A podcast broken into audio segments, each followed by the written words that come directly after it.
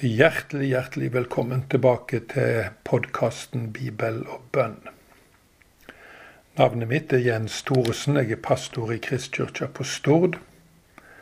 En menighet som kanskje vil passe deg utmerket godt om du kommer på besøk, og du er alltid velkommen. Nå er det ferietid, og neste gudstjeneste blir den 6. august klokka 12 i Bjellandsveien 51.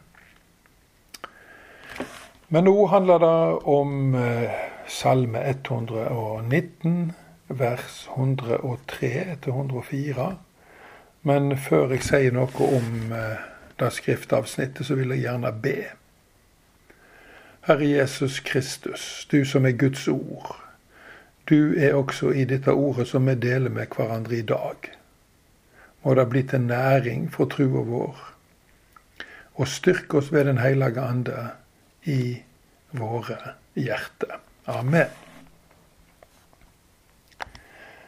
Vi leser altså Salme 119, 103-104, og der står det slik. Hvor søte dine ord er for ganen, bedre enn honning i munnen. Jeg får innsikt av dine påbud, derfor hater jeg falske vegar.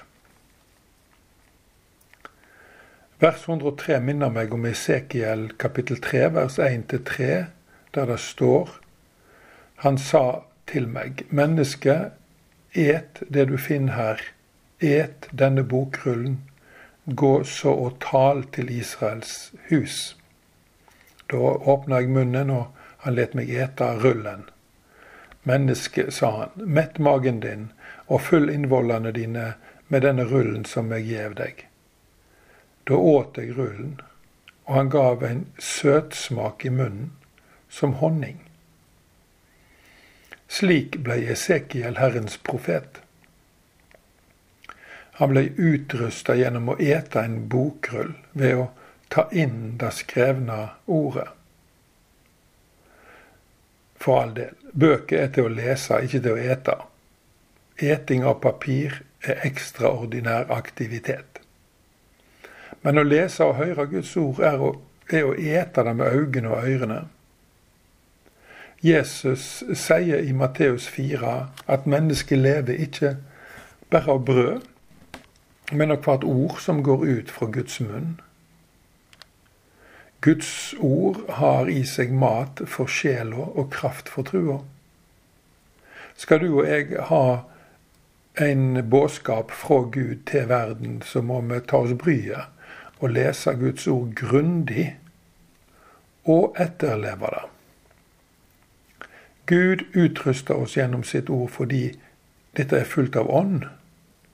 Og det har kraft i seg til å både inspirere, fornye, levendegjøre og som sagt å utruste. Guds ord gjør oss til profeter.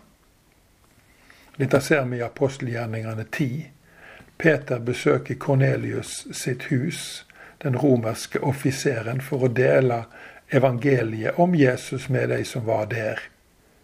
Og mens han talte, falt Den hellige ande på alle som hørte ordet. Og de begynte å tale i tunge og love Gud.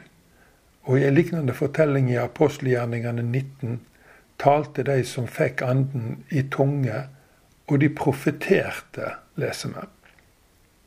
Den hellige ande er i Guds ord. Og når dette ordet blir forkynt i Den hellige andens kraft, ja, da begynner folk å tro på Jesus, vende om fra syndene sine, bli fulgt av Gud, og de utvikler et hat til falske veier, som her skildrer som, her skildrer et liv i opposisjon til Guds ord og bud. Vel, da var dagens refleksjon. Vi skal be ei bønn sammen. Himmelske Far, vi takker deg for ditt ord som har kraft i seg til å helbrede, frelse, skape tru, bygge opp, rettlede. Og nå har vi også lyst til å takke deg for Jesus. Takk for frelsen i Han. Takk for at alle som har Jesus, har også forlating for alle sine synder, evig liv og barnekår. Så ber vi nå om at ditt rike skal gå fram overalt der ditt ord blir forkynt, og der menigheten eksisterer. Og vi ber, Herre, om at uh, nye menigheter skal plantes i alle folkeslag og i alle kulturer, i alle miljøer. Og at uh, alle verdens folk skal få høre evangeliet forkynt på sitt eget språk. Styrk alle som driver med bibeloversetting og språkstudier i den hensikt å gi folk Guds ord. Velsign hver enkelt av mine tilhørere i dag, Herre. Velsign de og styrk de og la livet deres stråle, Herre, av deg. Fader vår, du som er i himmelen. Lat navnet ditt helgast, lat riket ditt komme. Lat viljen din råde på jorda så som i himmelen. Gi oss i dag vårt daglige brød, og forlat oss vår skyld som vi òg forlet våre skuldmenn.